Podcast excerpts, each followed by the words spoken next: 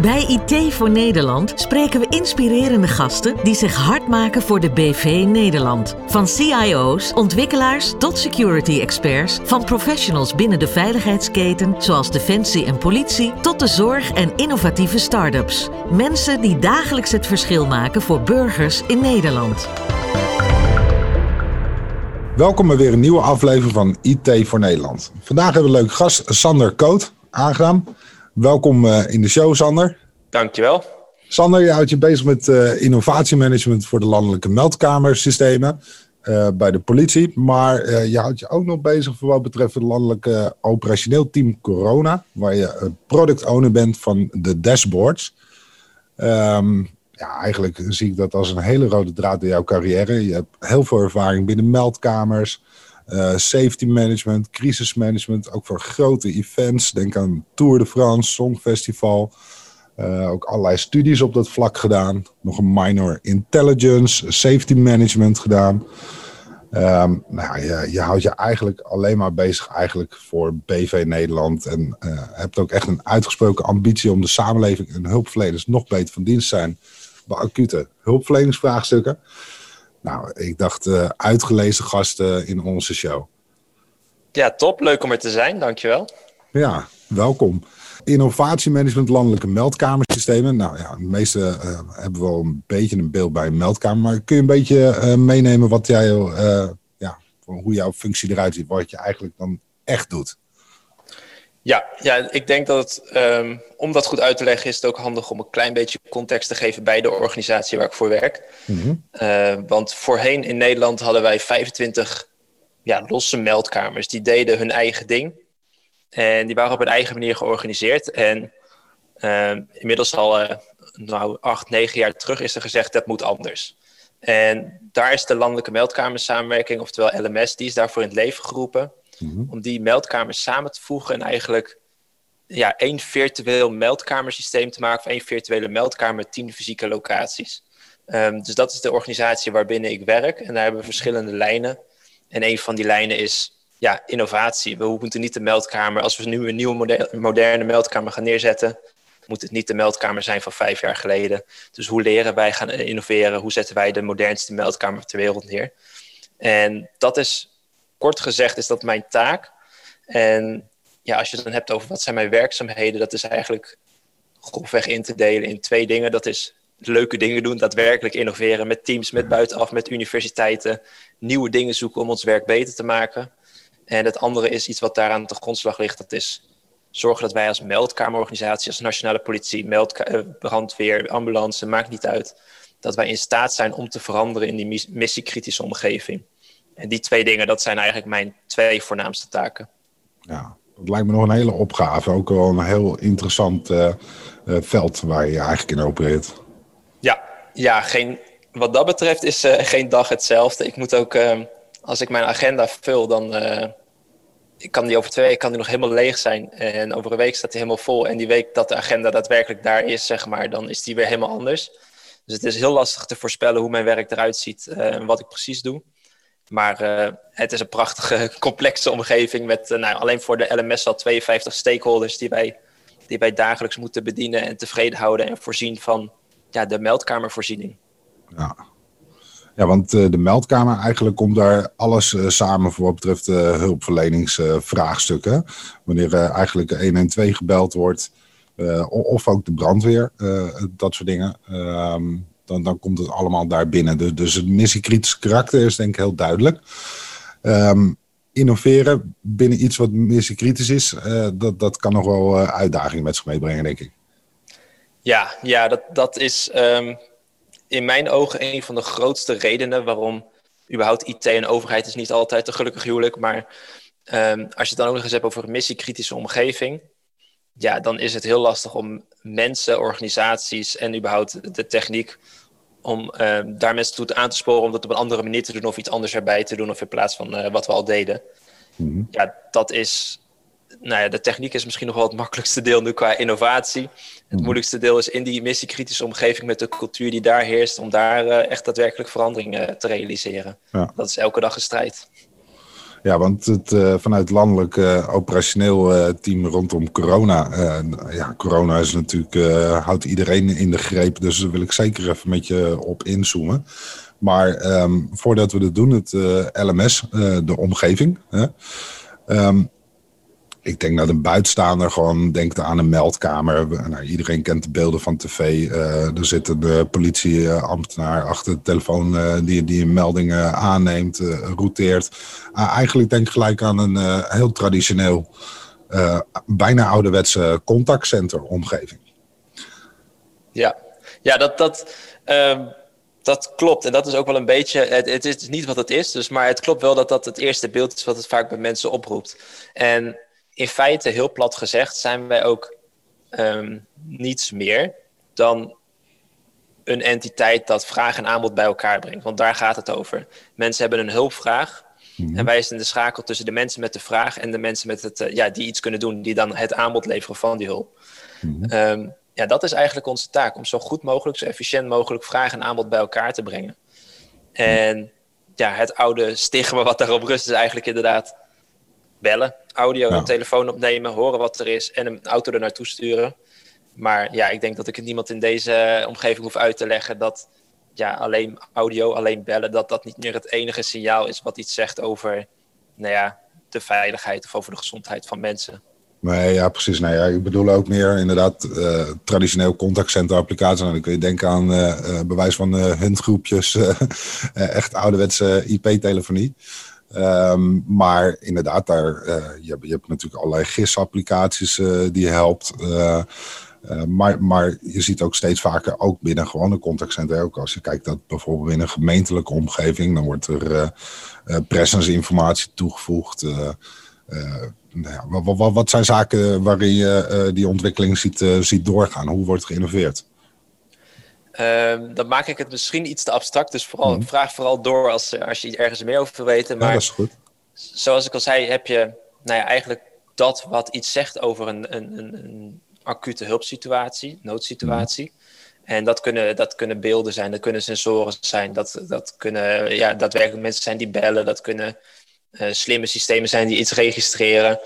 Uh, dus de hele wereld van meldingen die wat, die wat zeggen over noodsituaties aan de voorkant, om dat op een betrouwbare uh, manier naar binnen te halen. Want je wil niet dingen missen, maar je wil ook niet resources ergens naartoe wijden wat eigenlijk loos alarm is. Mhm. Dus dat is al een hele uitdaging op zich aan die voorkant. Dan heb je eigenlijk in het midden daarvan heb je natuurlijk het bij elkaar brengen van die verschillende, nou, laten we zeggen, puzzelstukjes. Een camera kan iets registreren wat mogelijk een verdachte situatie is. Uh, en samen met nou, een, een belletje uit de omgeving of een, een situationeel beeld van wat voor omgeving dat is, dat kan je doen besluiten om wel of niet in te zetten, bijvoorbeeld. Mm -hmm. uh, en aan de achterkant heb je natuurlijk de hele, het hele speelveld van inzet. Ik noemde net al, en jij noemde net ook al de politie, de brandweer en ambulance. Mm -hmm. zei is ook een van de partijen die, uh, die hieronder valt. Mm -hmm. Maar ja, wij willen er eigenlijk naartoe dat iedereen die een rol kan betekenen in acute hulpverleningssituaties, die zou je willen kunnen benaderen vanuit de meldkamer. En ja, dat zijn eigenlijk dus het bij elkaar brengen van informatie aan de achterkant mensen sturen en aan de voorkant alle signalen weten op te pikken. Ja, dat zijn drie uh, hele complexe processen die, uh, ja, die moeten gewoon goed gebeuren. Ja, nee, dat, dat uh, ja, snap ik. Inderdaad, wat betreft het koppelen van die hulpvraag. Je hebt me wel eens verteld dat daar een app waar, waar je druk mee bezig bent. Kun je daar iets over vertellen?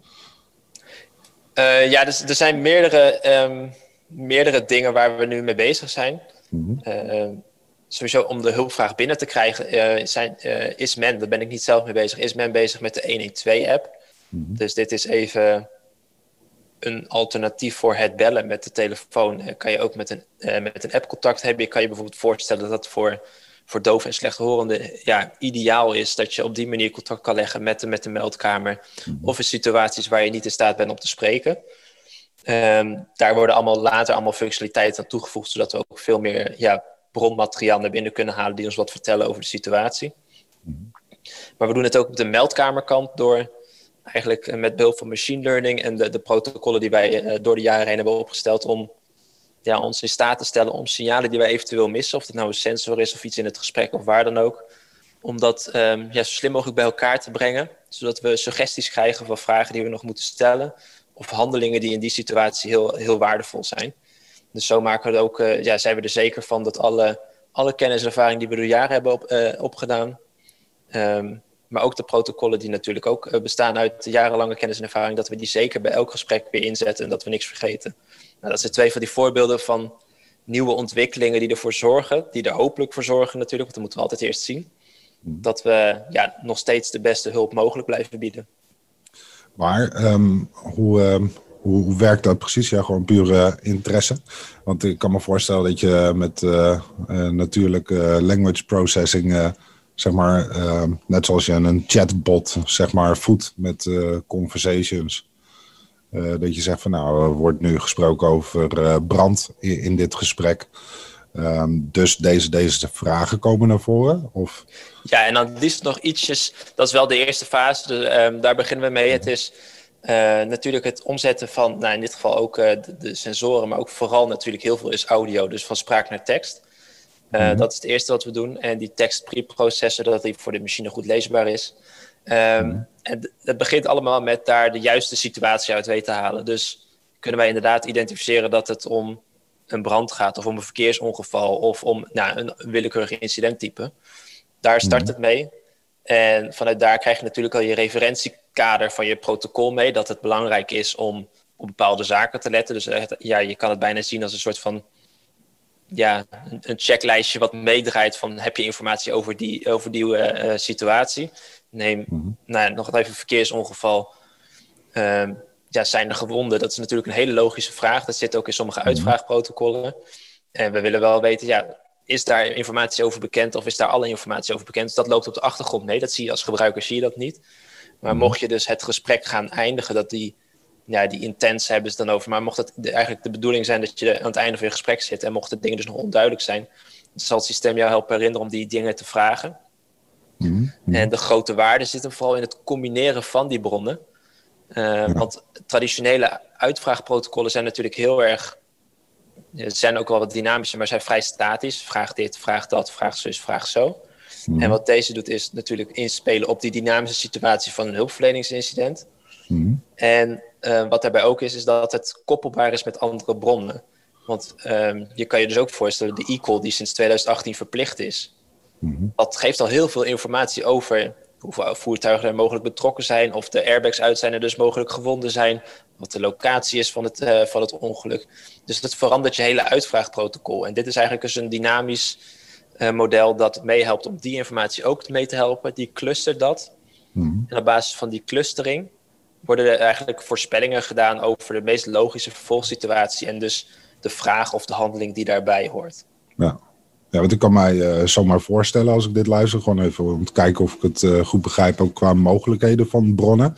Dat je wanneer bijvoorbeeld ergens een verkeersongeval plaatsvindt, dat je dan bewijs van op basis van het hectometerpaaltje uh, en de, het wegnummer kan vaststellen hoe druk is het bijvoorbeeld op dat punt, op dat moment en hoe gevaarlijk is die situatie. Um, dat je dat soort informatie er, erbij trekt. Precies, en het is het als ik het model helemaal ga uitleggen, wat trouwens de ontwikkelaars nog beter kunnen dan ik natuurlijk, maar als ik het model helemaal uitleg, is, klinkt die mij in ieder geval heel complex. Uh, maar het is logisch dat wanneer je het over een verkeersongeval hebt met uh, twee slachtoffers bestaande uit een tractor en een fietser, dat de, de, de mm -hmm. predictie over de clustering van het aantal gewonden, dat we iets kunnen zeggen over het aantal gewonden. Uh, en het feit dat iemand ja. gewond is. Nou, dat is wat hij doet voor, uiteraard voor die bekende situaties, maar ook de minder bekende situaties waar als wij als mens ja, minder snel correlaties uh, zien. Mm -hmm. Dat je bewijs van uh, met de massa van het voertuig en de snelheid van de weg bijvoorbeeld rekening ja. houdt. Ehm, ja, wat wij dus in Noord-Nederland één keer, dat is misschien wel een leuk voorbeeld, iets anders, maar er waren ook bijvoorbeeld -hmm. heel vaak verkeersongevallen. En mm -hmm. ik, ga niet het hele verhaal vertellen, maar een lang verhaal kort bleek dat altijd op eenzelfde moment van de dag te zijn op bepaalde dagen. En dat had te maken met uh, wegen die onhandig door verbouwingen bij elkaar kwamen. En uh, meestal ook weersomstandigheden zoals een slecht zicht of een la ja, laaghangende zon. Mm. En zo kom je dus eigenlijk achter dat als er op die tijdstippen daar iets gebeurt, dat het heel waarschijnlijk uh, best wel ernstig is. Want dat, dat hadden vaak ernstige ongelukken tot gevolg. Ja, die inzicht te krijgen, dat helpt je niet alleen om de juiste hulp te sturen, maar eigenlijk ook om daar maatregelen te treffen om te voorkomen dat er weer zo erg ongeluk gebeurt.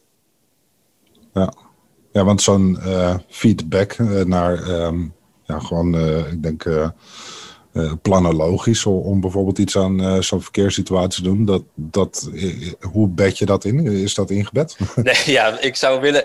Ik had hier heel graag op geantwoord. Dat hebben we helemaal perfect geregeld. Maar ja, um, ja dan kom je in, in, een nog complexer veld terecht met dat wij wel dit inzicht kunnen leveren. maar dan heb je natuurlijk het wegennet, dan heb je de gemeentes, dan, dat is per gemeente weer verschillend. Ja. dan wordt die heel complex. Ehm, dus we kunnen onze taak doen door het in ieder geval aan te geven, die situatie. En er wordt echt wel naar gekeken. Mhm. Maar er is geen mhm. mooi vast uh, stramien voor om dat goed en netjes te regelen. Maar daar is nog terrein te winnen. En uh, dat zal tal van terreinen zijn, uiteraard. Dat, uh, ja. ja hoe, hoe, meer data, hoe meer kans je ook hebt om dat soort dingen te doen. dus dat is denk ik heel mooi. Maar, maar je noemde net ook voor wat betreft de sensoren. Ehm, moet ik dan denken aan uh, bewijs van binnen bepaalde uitgaansgelegenheid, uh, uh, bijvoorbeeld een microfoon die, die dingen registreert? Of, of moet ik denken aan dus inderdaad een, ja, een camera die bijvoorbeeld bijhoudt hoeveel auto's er langs rijden? Of? Ja, het, het, kan echt van alles zijn. En wat, wat hier natuurlijk belangrijk is, en dan zit ik toch net iets meer, ik spreek niet namens de politie, maar net wel iets meer met mijn politiepet op, is dat we dat uh, proportioneel gebruiken, uiteraard. Um, maar er zijn verschillende, in ieder geval verschillende pilots en er lopen wat, wat kleine projecten. Waarin we dus inderdaad dat doen. Uh, op camera's, nou ja, je noemde net al het evenementen, Eurovisie Songfestival. Op camera's registreren hoeveel bezoekers welke kant op gaan. En daarmee aan kunnen zien komen of het ergens te druk gaat worden. Ja. Uh, dat soort zaken. Zou ik een museumplein kunnen zijn? ja, ja, precies. En dat is ook precies wat we met al die experimenten proberen. Uh, we pakken een concrete use case, maar uiteindelijk is natuurlijk het doel ja, herbruikbaarheid. En uh, dus moet het ook op een museumplein kunnen werken. En ook op, nou ja, mocht er weer een Tour de France komen in Utrecht, in, in Utrecht kunnen werken. Ja. Dus dat is sowieso altijd het uitgangspunt. En dat heb je dus ook inderdaad met beeldanalyse, vechtpartijen kunnen signaleren of... Uh, ja, uh, geweld mogelijk, dus uh, ook met het geluid. Dat hoor je natuurlijk ook in de stem, of iemand boos of, uh, of, of, of, angstig is. Um, en dan kom je op het grootste vraagstuk van de meldkamer. Ja, waar, waar ben je van? En hoe ver wil je gaan? En dat is um, een vraag die we ons constant stellen en niet alleen zelf kunnen beantwoorden. Dus dat is echt iets wat met de omgeving samen moet van wat is wenselijk?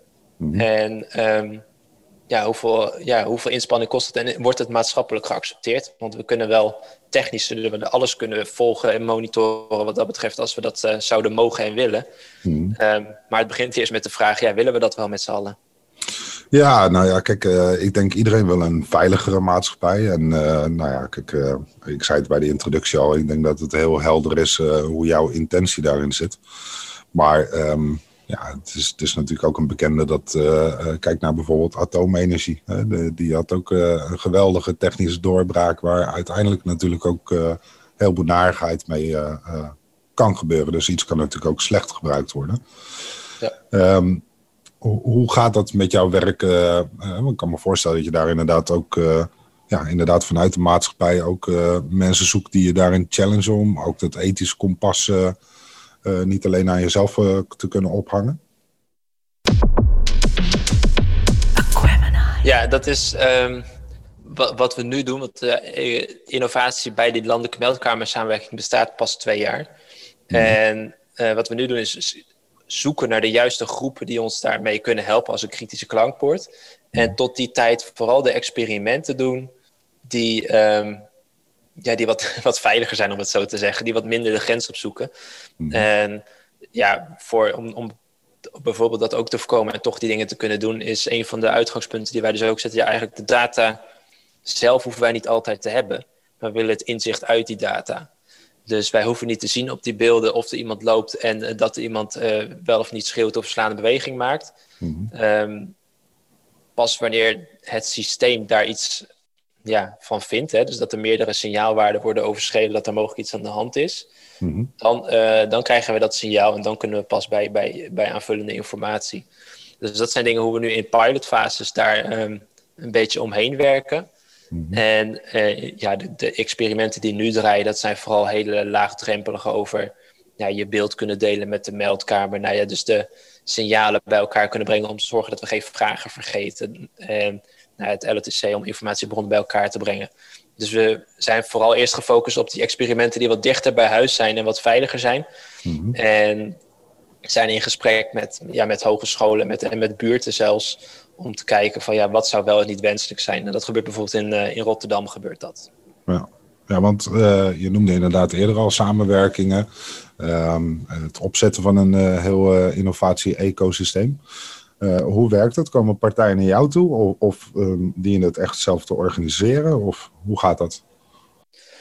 Ja, ik durf bijna te zeggen dat inmiddels, maar dat is niet vanzelf dat nu wel um, mensen je weten te vinden. Maar dat heeft natuurlijk ook uh, een paar jaar werk gekost.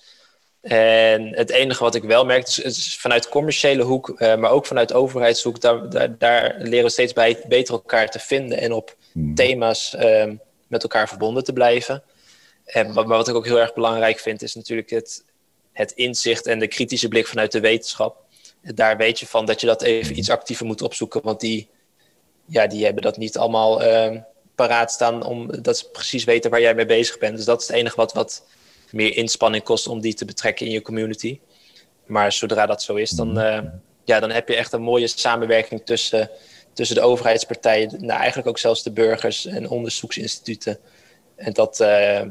het kost energie, maar je krijgt er veel meer energie voor terug. Ja. Nou, um, burgers, hè, want uh, er zijn denk ik altijd een heleboel mooie burgerinitiatieven. Uh, maar je ziet ook natuurlijk wel eens uh, van die dingen ontstaan, uh, zeker rondom avondklok, dat je ook echt buurt wacht, dat soort dingen. Dus soms moet je misschien minder blij mee zijn of grote vraagtekens. Maar laat ik zo zeggen, er zijn natuurlijk heel veel burgers met het hart op de juiste plaats, die ook gewoon echt ja, kundig zijn om ook hulp te verrichten. Um, hoe, hoe, betrek je dat soort dingen daarbij? Want je gaf het al aan, hè? in de meldkamer idealiter zou je ook dat soort mensen kunnen bijschakelen. Waar, ja, ja, dat is. Um, daar, daar liggen hele grote kansen, denk ik, voor meldkamerland en ook op het gebied van techniek. Want er zijn best wel veel burgerinitiatieven en veel zitten ook aangesloten bij een of ander burgerplatform. En de, mhm. de, grote bekende zijn natuurlijk de Burgernet en de uh, Hartslag nu bijvoorbeeld. Ja, Amber ja. Alert. En, uh, dus, ja. Um, wij hebben vorig jaar een hackathon gehad en dat kwam eigenlijk uit, voort uit de constatering... er is heel veel animo onder de burgers om een bijdrage te leveren in die acute hulpverleningsvraagstukken. Kijk alleen maar naar het aantal mensen dat een opsporing verzocht krijgt... het aantal mensen dat bij Burgernet is aangesloten of dat uh, daadwerkelijk kan en wil reanimeren... Um, en tegelijkertijd doen we dat niet altijd en bieden we dus misschien wel niet altijd die, dus de snelste vorm van hulp. Doordat we die, die burger die bij de platform is aangesloten niet echt effectief inzetten op dat wat hij of zij echt kan. En daar is die hackathon op toegespitst. En daar zijn we dus nu bezig om een prototype te ontwikkelen die platform onafhankelijk certificeerbare mhm. vaardigheden eigenlijk koppelt aan hulpverleningsincidenten. En dat op een privacy, mhm. privacy verantwoorde manier dan weer um, eigenlijk checkt van zijn mensen met deze vaardigheden in de buurt van het incident. En mocht dat dus blijken dat daar een jaar terugkomt, dan worden die mensen verzocht om, om deel te nemen aan uh, dat eigenlijk de bestrijding van dat incident op basis van die specifieke vaardigheid die hij of zij bezit. En, uh, en, dan pas weten wij ook waar diegene is en dat die bijvoorbeeld nog maar drie minuten verder is, uh, verwijderd is van het incident. En dus nou, misschien wel vijf minuten eerder kan helpen dan wanneer de eerste brandweer ter plaatse is. Dus zo proberen wij die verschillende burgerinitiatieven eigenlijk ja, te verenigen met de wereld van de meldkamer. Ja. Nou, ik denk dat het inderdaad uh, heel mooi zou zijn wanneer dat uh, goed loopt. Uh, kijk, enerzijds heb je natuurlijk gewoon te maken met een eh, beperkte hoeveelheid menselijke middelen die je tot je beschikking hebt. maar ook wanneer het om leven en dood gaat, gaat het ook inderdaad om tijd. dus heeft efficiëntie ook weer een heel ander aspect. Precies. maar ook voor maatschappelijke betrokkenheid, voor, voor de samenleving aan zich het is ook gewoon heel waardevol voor mensen om natuurlijk hulp te verlenen. Uh, ja. Nou, dat zijn mooie dingen, mooie dingen. En um, nou ja, innovatie aan zich is natuurlijk gewoon een heel mooi vak om je mee bezig te houden. Um, inhoudelijk, uh, nou ja, dynamisch, dat, dat uh, is bijna inherent aan. Je komt ook natuurlijk met mooie nieuwe technieken, waar je zelf wellicht ook enthousiast van zou worden. wat, wat, zie je nou zelf nou, als je kijkt naar de toekomst? Waar, waar, gaat het heen?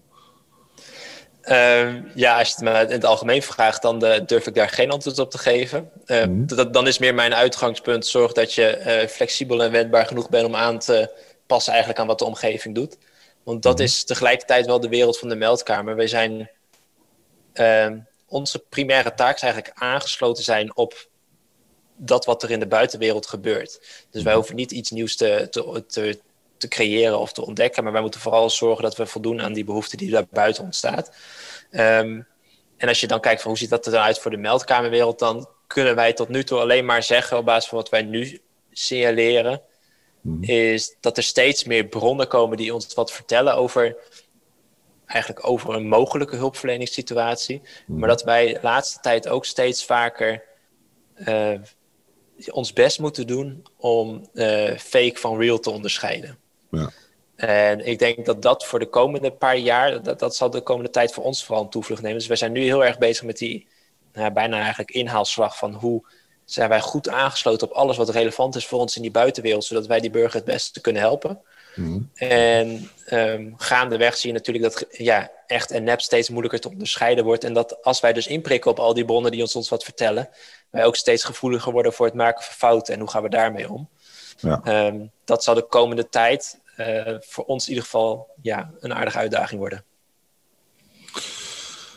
Uh, ja, dus ik kan me eigenlijk voorstellen, um, hoe meer bronnen je aanschakelt, hoe meer sensoren, hoe meer uh, false positives je krijgt. Um, of bedoel je echt dat er situaties zijn waarbij uh, doelbewust bewijs van je eigenlijk als meldkamer misleid wordt, waardoor je resources een bepaalde kant op stuurt en ergens anders iets kan plaatsvinden wat het daglicht niet kan verdragen of zo? Ja, ik zou, ik zou het bijna niet durven, durven veronderstellen dat iemand dat zou, uh, zou willen. Maar het zou kunnen en het kan naast doelbewust kan het natuurlijk ook um, een heel ander doel hebben. Maar omdat wij dus wel aangesloten zijn op nou ja, dingen die op social media gebeuren bijvoorbeeld. Um, ja, stel dat daar voor een andere reden doelbewust andere informatie wordt geplaatst. Ja, dan vind ik het uh, lastig uit te leggen dat wij met z'n allen daarop zijn ingezet en niet um, naar mijn oma die uh, twee straten verderop iets, iets ernstigs kreeg. Maar dat wij op, met z'n allen op, dat, op het fake nieuws van de social media zijn ingesprongen. Ja. Nou, dat is die balans vinden, dat, wordt, ehm, ja, dat, dat is en blijft gewoon een, een, flinke uitdaging die denk ik alleen maar complexer gaat worden. Ja.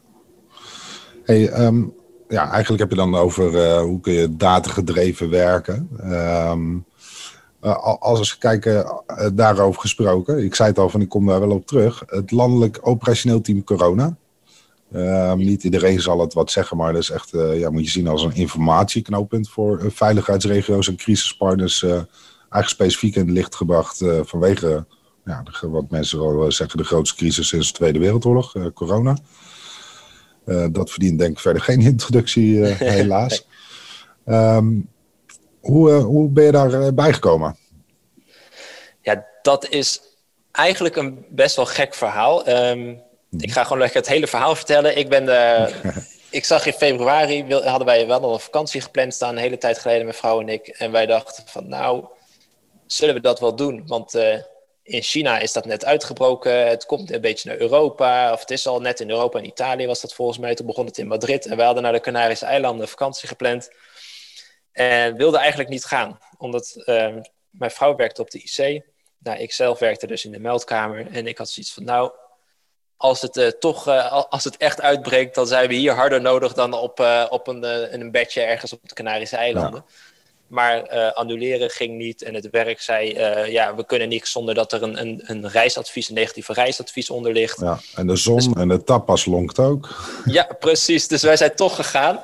En um, wij landen daar. Ik zet in het, in het hotel zet ik mijn telefoon aan en ik kreeg van ne vanuit Nederland te horen Goh, Spanje heeft zojuist de lockdown uitgeroepen.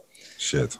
En ik dacht, nou, dat is, uh, ik dacht eerst dat is plaatselijk in Madrid. En ik ging de boulevard op en ik ben meerdere malen door de politie vriendelijk en af en toe ook wat minder vriendelijk uh, dringend verzocht om toch naar mijn hotel te gaan. Waar hmm. uiteindelijk de sloten op de hekken gingen en de bars allemaal dicht gingen, de zwembaden en dat het eten langzaam opraakte. En toen dacht ik, oh, dit is menens. Ja. Toen hebben wij de mazzel gehad om terug te komen naar Nederland met een noodvlucht. Uh, als een van de eerste eigenlijk. Mhm. En toen vielen mijn project eigenlijk. Wat innovatie is dan ineens gek genoeg, en het is, ja, het is helaas zo, is dan ineens wat minder belangrijk. Lijkt dan ineens wat minder mhm. belangrijk in die meldkamer. De meldkamer overeind houden en zorgen dat we uh, gewoon de crisis het hoofd kunnen bieden, is, is prioriteit nummer één. En projecten gingen niet door, zoals bijvoorbeeld het Eurovisie Songfestival, want ja, dat evenement ging sowieso niet door. En ik ben toen ik geland ben, ben ik gaan bellen van, ja, wat, eh, eigenlijk gaan kijken wat gebeurt er nou om me heen en waar zou ik kunnen helpen.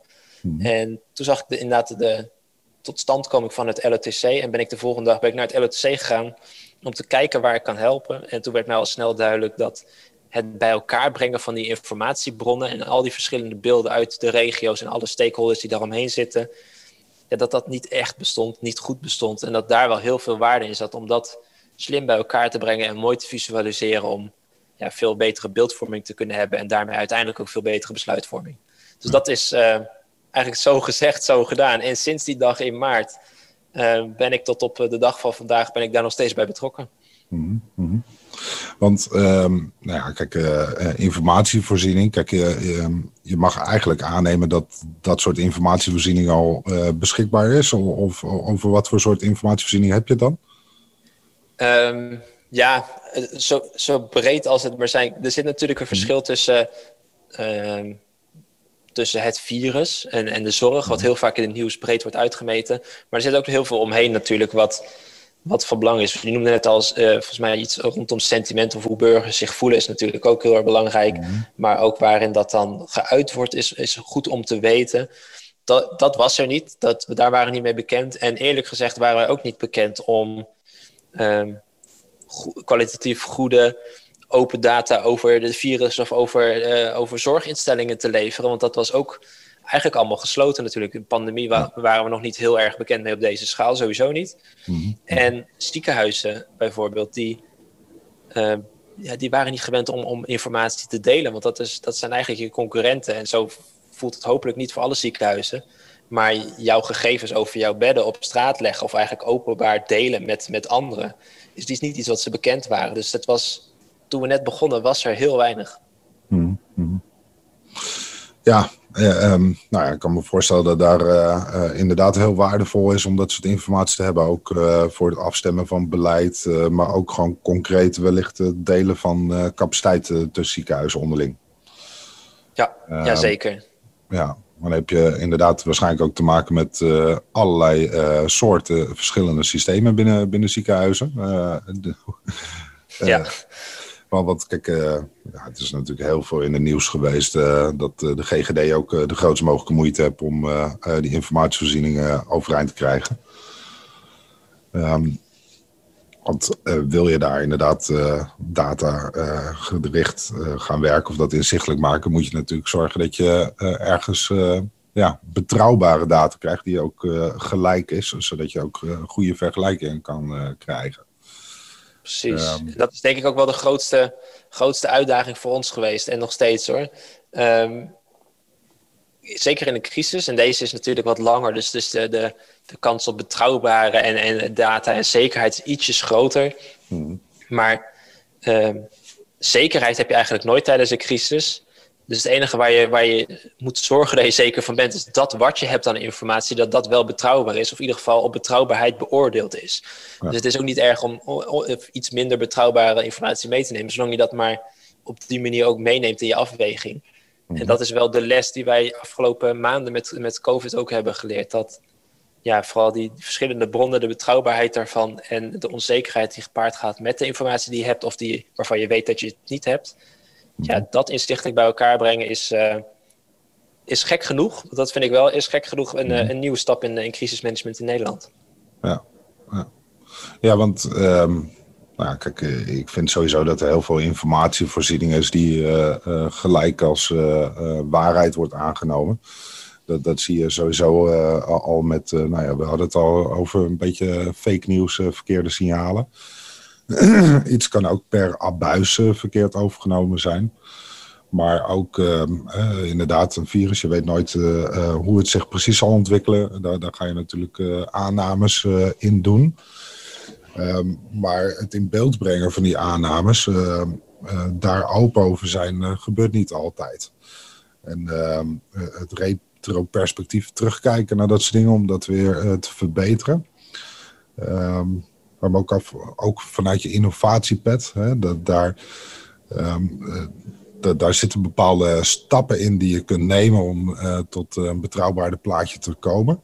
Maar ik wel afvragen of het erbij gebaat is om het in zo'n gesloten box te houden. Um, ja. Ja, dan bedoel je dus de data die we hebben of de, de, de dashboard dat we hebben? Ja, nou de dashboards waar uh, de overheid bijvoorbeeld mee werkt, maar ook denk aan uh, RIVM-modellen. Um, uh, en dan wordt er natuurlijk wel gekeken van hoe ontwikkelt zich bijvoorbeeld in andere landen. Ehm, maar terugblikken op betrouwbaarheid naar het verleden lijkt soms ook gewoon impopulair.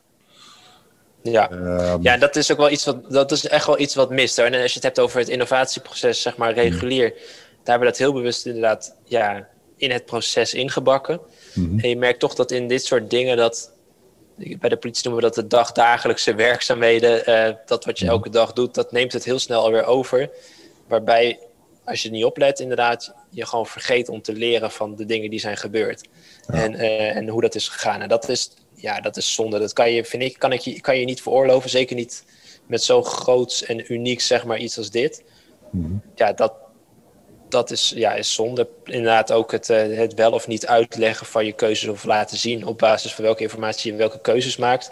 Daar denk ik dat we ook nog wel een slag in te waken hebben om dat uh, nog wat verder uh, door te ontwikkelen. Ja, nou, maar wat denk ik ook lastig is, kijk, we hebben natuurlijk ook te maken met een politiek speelveld. Um, waarbij hoge bomen natuurlijk inderdaad veel wind vangen soms. Um, en ja, ik heb zelf ook eens een keertje uh, een stukjes uh, innovatie in de vorm van breakout sessies mogen opzetten. Ja, en dan zie je ook om zoiets succesvol te, te kunnen maken, moet je ook een heel veilige omgeving creëren. mensen moeten ook durven terugblikken. En um, ja, je hebt hier natuurlijk ook gewoon de media zitten gelijk bovenop.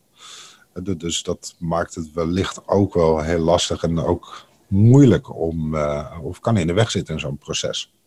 Ja, ja, klopt. Als je kijkt, um, ja, een van de eerste regels die volgens mij iedereen bij innovatie schreeuwt, is uh, fouten maken mag. Ja. En als je nu nieuwe dingen gaat doen, uh, onder het vergrootglas waar je nu ligt als BV Nederland, dan weet je één ding zeker. Als je fout maakt, en dat is al een paar keer gebeurd, ja, dat, wordt, dat kan eigenlijk gewoon niet nu. En die angst voor fouten maken, ja, dat belemmert gewoon het leren en het innoveren. Ja, ja dat is wel, uh, wel jammer. Maar um, uh, nu vanuit je rol als product owner, hè? ik bedoel, je neemt ook uh, leiding erin om dashboards voor crisissen ja, eigenlijk beter te gaan maken. Um, hoe, eh, hoe, uh, hoe ziet dat eruit? Neem we daar eens mee.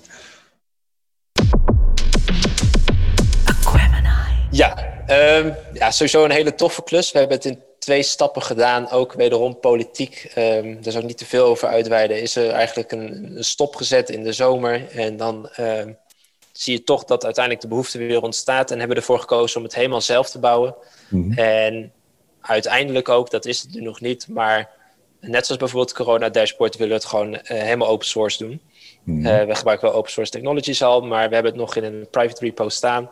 Mm. Um, maar wat wij willen doen is eigenlijk gewoon het zo bouwen dat het herbruikbaar is. Dus uh, je hebt het natuurlijk over COVID nu, maar eigenlijk over de, elke crisis in potentie. Mm. Dus alles wat we nu doen, zou je moeten kunnen hergebruiken. Of in ieder geval wil je beoordelen of je het kan hergebruiken voor elke toekomstige crisis. Dus elke pipeline die je nu opzet, die zou je willen hergebruiken. Elke visual die je nu creëert, die uh, wil je zo weer uit de kast kunnen trekken zonder dat je het hele platform of andere delen van de code mee moet halen.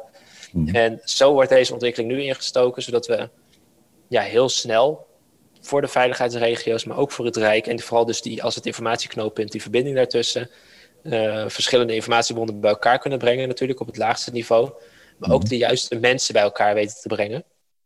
En het klinkt misschien ietsjes, ja, misschien niet helemaal netjes, maar voor ons is COVID één grote testfase. Dit is nu natuurlijk dat we het voor het eerst doen en wij gebruiken COVID om dit aan de hand van deze crisis te ontwikkelen. Mhm. Maar wel met een heel scherp oog naar, is dit bruikbaar voor een toekomstige crisis? We zijn natuurlijk in oktober weer voor de tweede keer pas begonnen, helemaal zelf. En er zijn gelukkig uh, wat, wat dashboards, er is al wat meer informatie dan zeker in maart toen we begonnen. Dus de, de, de noodzaak is er wel. Maar wij hebben de luxe om ook alvast een beetje vooruit te kijken. En dat is dus ook vooral wat we nu proberen met het team. We hebben allemaal freelancers ingehuurd eigenlijk. Dus die aanbesteding is net, net weer geweest. Dus we halen mensen van buitenaf met expertise, die halen we naar binnen. En die schrijven voor ons ja, de code, zodat wij voor de veiligheidsregio's en de politie en het Landelijk Coördinatiecentrum Patiëntenspreiding en het LOTC, eh, eigenlijk voor die partijen dat we ja, mooie passende dashboarding hebben voor hun beeldvorming. En daarmee uiteindelijk, zoals ik net al zei, ja, dus ook voor je oordeelsvorming en besluitvorming. Mm want je hebt laatst ook een uh, user experience designer van ons uh, daar, daarvoor bijna binnen getrokken. Ehm, dat ging eigenlijk vanuit het instituut Fysieke Veiligheid. Maar um, nou, je draagt natuurlijk ook een politiepet. Um, maar binnen zo'n gremium heb je toch weer een andere pet op. Hoe, hoe werkt zoiets in de praktijk? Hoe ziet zo'n stakeholderveld eruit? Ja, ik denk, maar dat, mag ik niet, dat kan ik niet over mezelf zeggen. Dus dat zouden anderen mhm. moeten, moeten roepen eigenlijk. Maar mhm. dat ik in dat geval een beetje een geval apart ben. Ik werk officieel inderdaad voor de LMS. Mijn taak is innovatie meldkamer. Ik zag ergens een gat ik denk, daar kan ik nu. Ja, ik werk voor eigenlijk voor, nou ja, zoals jullie het ook noemen, BV Nederland. Ik werk om Nederland veiliger te maken. Mhm. En dat kon ik daar beter dan op mijn huidige plek met met de beperkingen die de pandemie met zich meebracht. En daar zijn wij, eigenlijk ik als persoon ben daar ingesprongen. Heb uh, dat gevraagd slash uh, laten weten aan mijn leidinggevende bij de LMS. En uiteindelijk is daar ook een hele mooie samenwerking in ontstaan met het IFV inderdaad. Dus de LMS en het IFV hebben gezegd, nou dit vinden wij inderdaad belangrijk. Hier is een gat. En ja, we hebben eigenlijk andere taakstellingen, maar laten we vooral onze werelden bij elkaar brengen om de veiligheidsregio's en het Rijk te voorzien van zo goed mogelijk, ja, zo goed mogelijk bij elkaar gebrachte informatie. Ja. En zo is dat eigenlijk ontstaan. En um, ik ben dus product owner samen met, uh, ja, binnen een eigen ingehuurd ontwikkelteam. Mhm. En dat staat nu is ingehuurd via het IFV. Mhm. En uh, vanuit LMS ben ik daar betrokken als product owner om eigenlijk die voorziening te faciliteren. Want dat doen wij voor de meldkamer, dat willen wij ook graag doen voor de crisis. Mhm. Maar dit is op sociaal vlak voor mij het uh, ultieme voorbeeld hoe je eigenlijk zou moeten werken voor BV Nederland. Niet vanuit alleen je, je eigen hokje waar jij verantwoordelijk voor bent, maar als jij iets kan en ergens iets toegevoegde waarde kan leveren, dan werk je uiteindelijk met z'n allen voor hetzelfde doel, voor uh, ja, Nederland veiliger maken. En dit is heel tof om te zien dat dit zo op deze manier kan. Ja. Nou ja, dat, dat wat je eigenlijk probeert te coördineren voor bijvoorbeeld hulpverlening, vraagstukken, zou je inderdaad ook uh, overheidsbreed kunnen doen. We hebben ook uh, nou, heel succesvol. kijk, wij worden natuurlijk heel vaak gevraagd voor, voor echt heel specialistische specialismen. Ehm, maar je ziet ook heel succesvolle campagnes vanuit de overheid.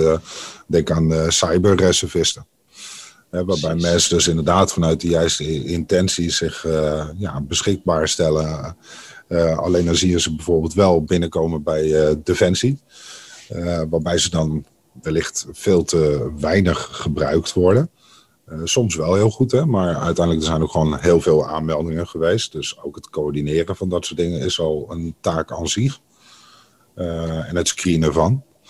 Um, maar je ziet uh, dezelfde, er zijn natuurlijk ook heel veel aangiften rondom cybercrime die niet opgepakt kunnen worden vanwege capaciteit binnen de politie, et cetera, et cetera.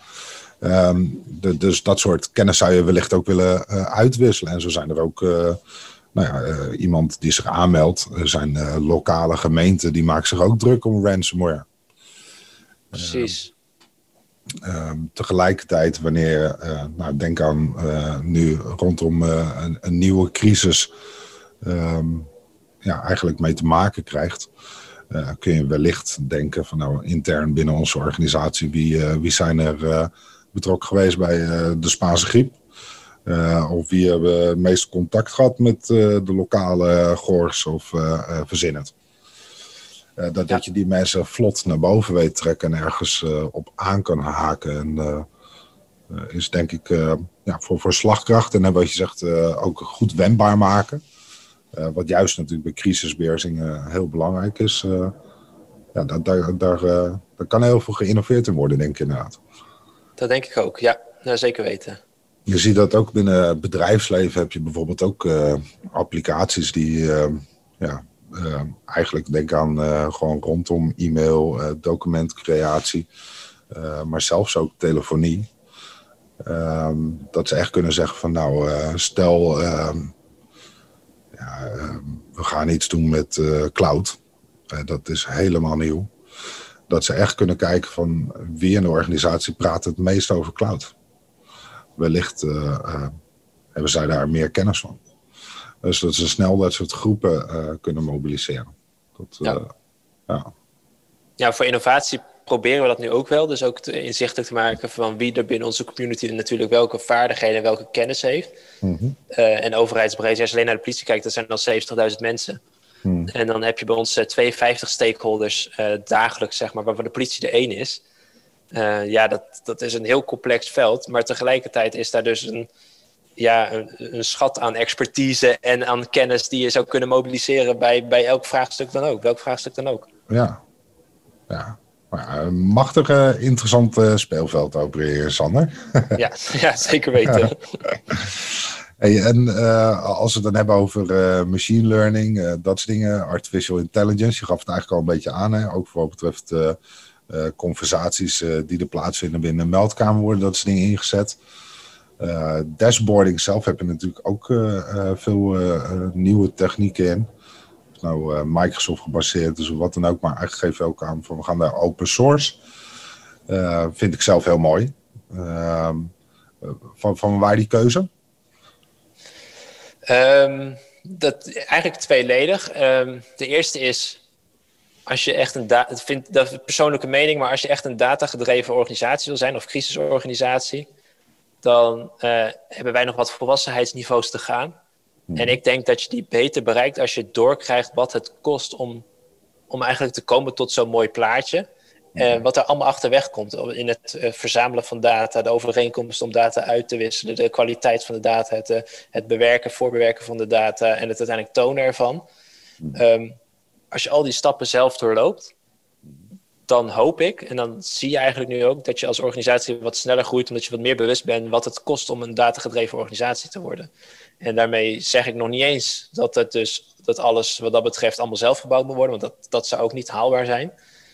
Ehm, maar het helpt ons dus nu wel heel erg om door te krijgen ja, hoe complex het eigenlijk is om verschillende bronnen met elkaar überhaupt vergelijkbaar te maken. Om te spreken over kwalitatief goede data, om te weten wat je moet doen om die data te kunnen tonen.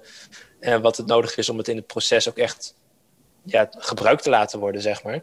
Mhm. Ehm, dus dat, dat is één. En die tweede is eigenlijk heel simpel, dat is uitlegbaarheid. En je wil eigenlijk als overheid, vind ik, wil je kunnen uitleggen wat je doet en hoe je dat doet. En dat, dat moet geen black box zijn. Dus dat moet niet zijn dat jij, uh, nou eigenlijk het voorbeeld wat je net aangaf, als jij besluiten neemt in, in situaties dat het mensenlevens raakt of grote groepen mensen, mhm. dan kan het niet zo zijn dat je je kan gaan verschuilen achter dat gaf ons systeem aan. Dat is natuurlijk een van de principes überhaupt bij AI, dat uitlegbaarheid van het algoritme. Um, datzelfde vind ik dat dat voor, nou ja, wanneer je informatie bij elkaar brengt en hoe je dat doet. Dat, dat, als je dat niet op de juiste manier doet, kan dat leiden tot verkeerde besluiten. En ik vind dat, dat, dat dat uitlegbaar moet zijn, dat dat transparant moet zijn, dat het moet kunnen zien hoe je dat bij elkaar hebt gebracht en hoe je dat, ja, hoe je dat doet. Nou, daar ben ik heel blij mee. Ik vind ook dat er, uh, ik ben ook echt voorstander van een goed controleerbare overheid. Um, dat vind ik ook gewoon belangrijk. En um, ja, je ziet ook gewoon uh, de wijze hoe je data presenteert. Uh, statistische uh, wetenschap kan natuurlijk ook gebruikt worden om dingen te rechtvaardigen. Ehm, ja, waar ook een hele lobby achter kan zitten. Dus gezond verstand ook als. en zelfkritisch kunnen denken, ook als bestuurder, is ook belangrijk. Maar het uh, juist presenteren van data in de juiste context is, uh, denk ik, echt wel uh, onmisbaar. Om tot goede beheersing te komen, ook voor crisis. Ja. Um, als je kijkt naar jou als persoon, hè, want ik bedoel, ja, ik zei het eerder al, het is heel duidelijk merkbaar ja, waar jij jouw keuzes hebt gelegd in je leven en de intentie van je werk. ik vind het zelf heel mooi. Zelf kiezen wij ook eigenlijk altijd ja, altijd wel voor organisaties met een uh, duidelijke maatschappelijke taakstelling. Ik denk dat je het ook altijd prima kunt verenigen uh, met, met uh, gewoon werken en centjes verdienen. Ja. Um, dat, dat geeft ook een andere zingeving. We willen ook mensen wel eens inspireren. Hè? Van, van kies nou eens voor zo'n type organisatie. In plaats van weer een organisatie die maar meer plastic wil verkopen of de ouderwetse bank.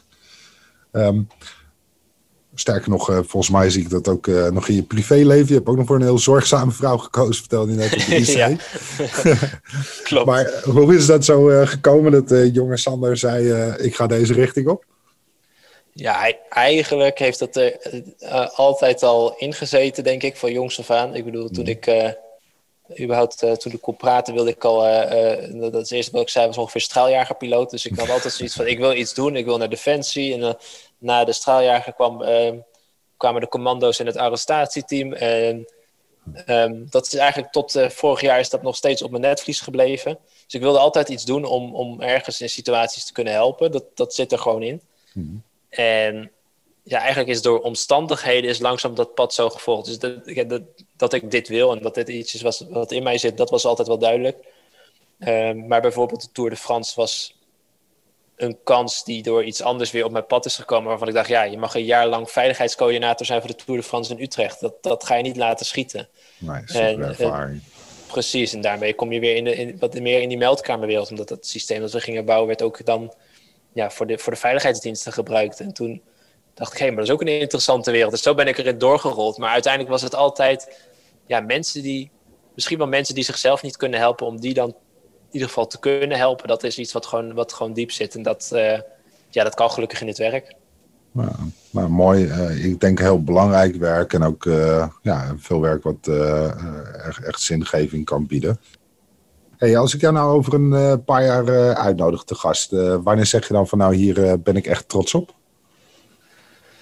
Um, als de meldkamers zelfstandig en voortdurend uh, zichzelf kunnen blijven doorontwikkelen. Dus dat, dat is voor mij wel even een, een, een ding.